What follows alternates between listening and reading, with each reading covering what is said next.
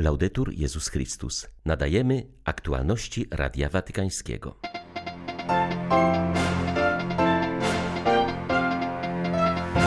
Politycy muszą chronić godność ludzką przed zagrożeniami płynącymi z nowych technologii, przestrzegł Franciszek, przypominając o szerzącej się pladze pornografii dziecięcej. O sytuacji w Afganistanie papież rozmawiał z laureatką pokojowej Nagrody Nobla. Po spotkaniu Nadia Murad zaapelowała do wspólnoty międzynarodowej o zajęcie się losem kobiet pod rządami talibów. Łącząca sześć krajów droga świętych Cyryla i Metodego została wpisana przez Radę Europy na listę europejskich szlaków kulturowych. 27 sierpnia witają Państwa ksiądz Krzysztof Ołdakowski i Beata Zajączkowska. Zapraszamy na serwis informacyjny.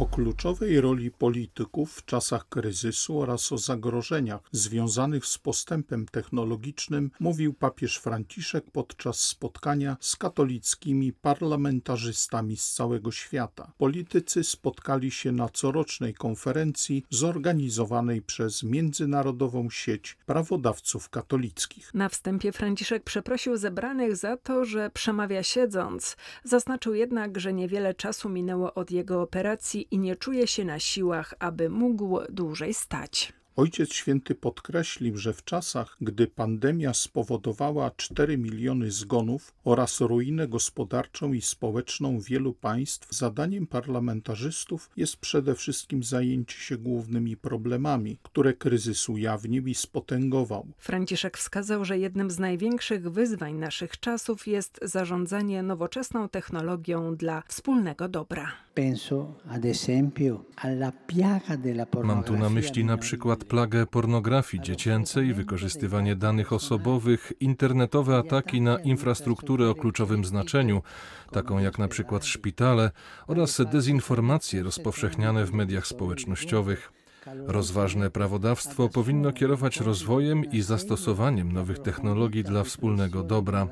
Dlatego gorąco zachęcam do podjęcia pogłębionej refleksji nad zagrożeniami i możliwościami, jakie niesie ze sobą postęp naukowo-techniczny, tak aby prawodawstwo i normy międzynarodowe, które je regulują, mogły skupić się na promowaniu integralnego rozwoju człowieka i pokoju, a nie na postępie dla samego postępu.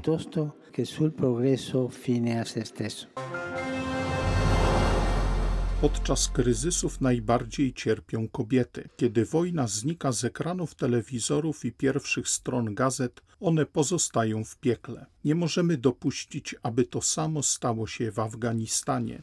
Napisała na Twitterze po spotkaniu z papieżem Franciszkiem Nadia Murad, laureatka pokojowej Nagrody Nobla. Ocalona z rąk bojowników państwa islamskiego jazytka obecnie wypowiada się w mediach w imieniu kobiet i dziewcząt w Iraku i w Afganistanie.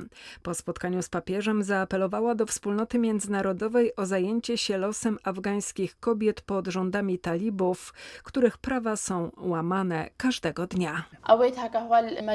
Cały świat jest świadkiem tego, co stało się z jazydami.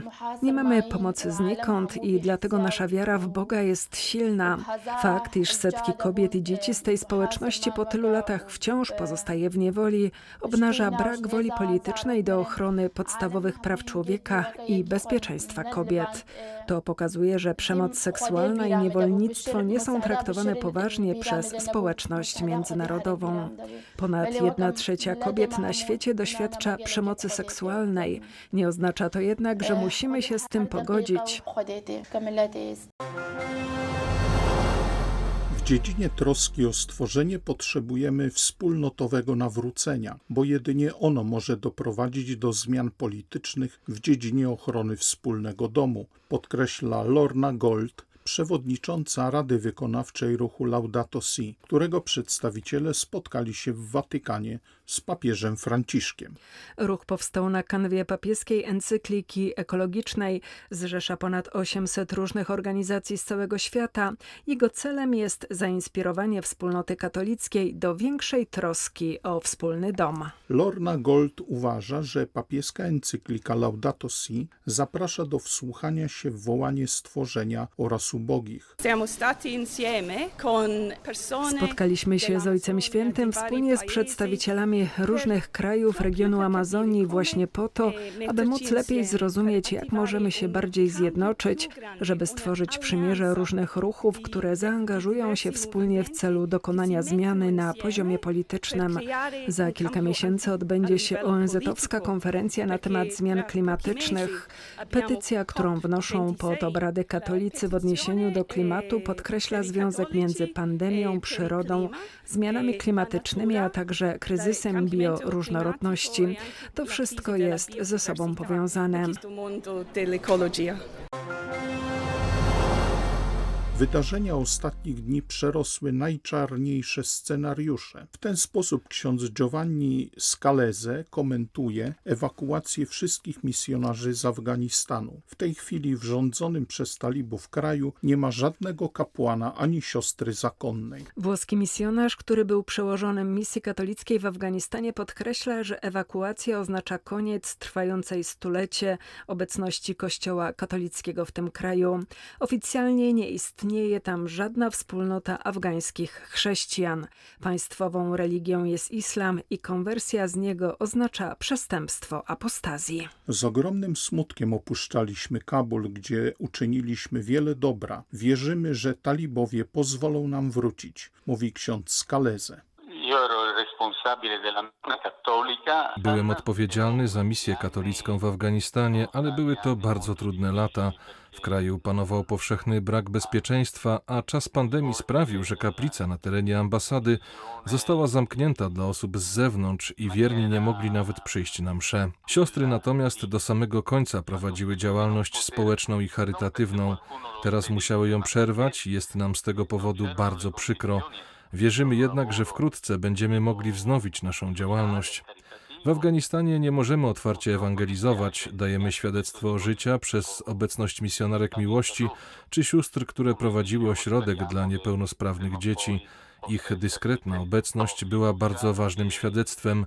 Wierzymy, że Maryja, której cztery lata temu zawierzyliśmy Afganistan, otoczy swą matczyną opieką wszystkich Afgańczyków.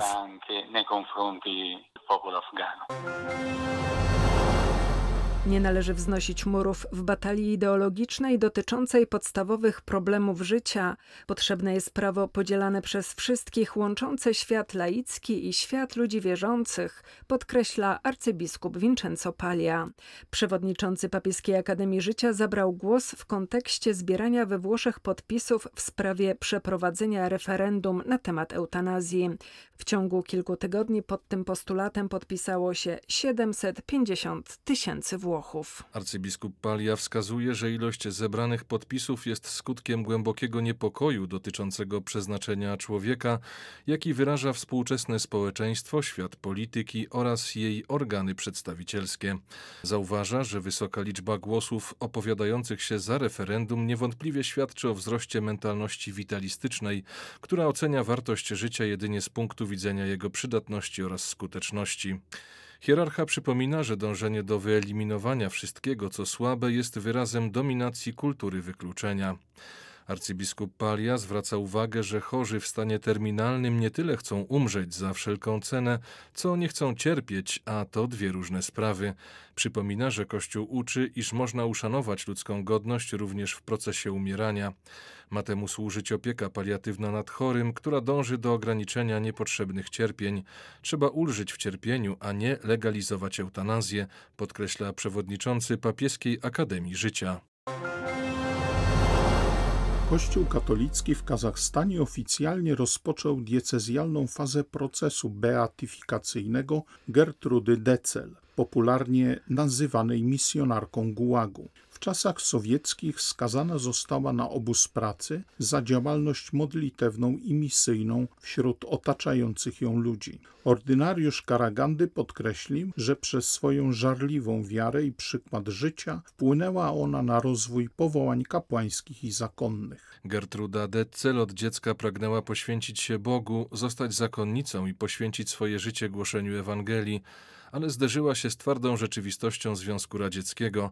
Stała się jednak sługą Boga w świecie, głosiła dobrą nowinę i świadczyła o niej przykładem świętego życia, co było szczególnie cenne i potrzebne wobec braku kapłanów i otwartych kościołów, podkreśla biskup Adelio de Loro. W 1941 roku Gertruda Detzel została deportowana do południowego Kazachstanu, gdzie zbierała bawełnę i kontynuowała swoją posługę modlitwy oraz ewangelizacji.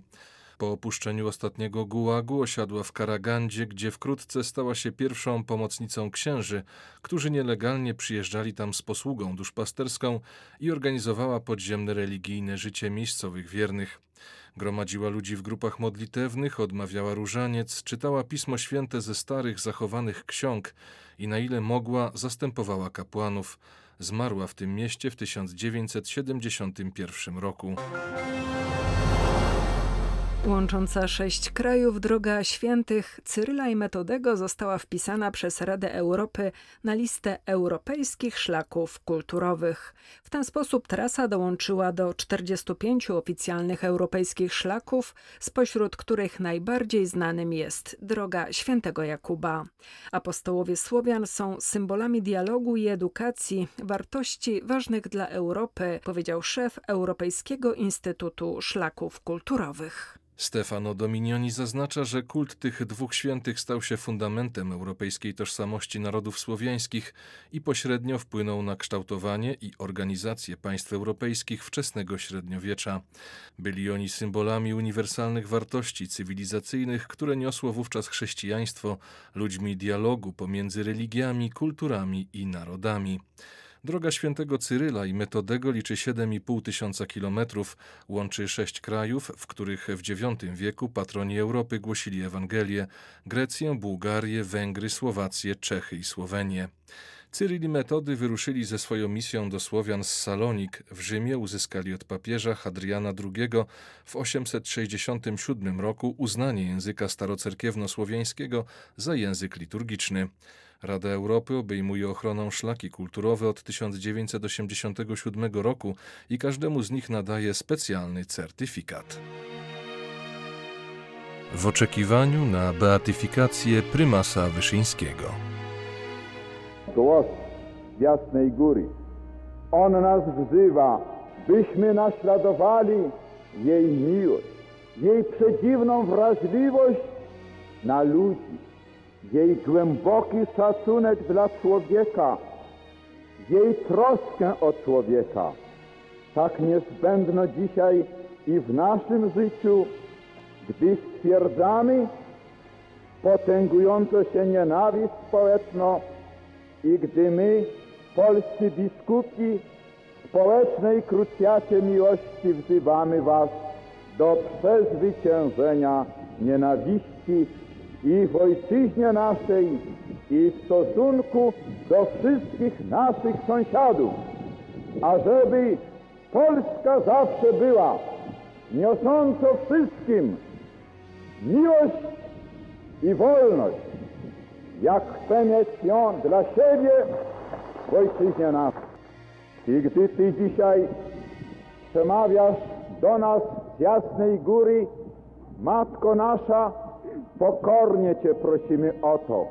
Nigdy nie pozwól, aby naród nasz przeniewierzył się kiedykolwiek swojej szlachetnej misji niesienia miłości i pokoju i własnej ojczyźnie i całemu światu. Były to aktualności Radia Watykańskiego. Laudetur Jezus Chrystus.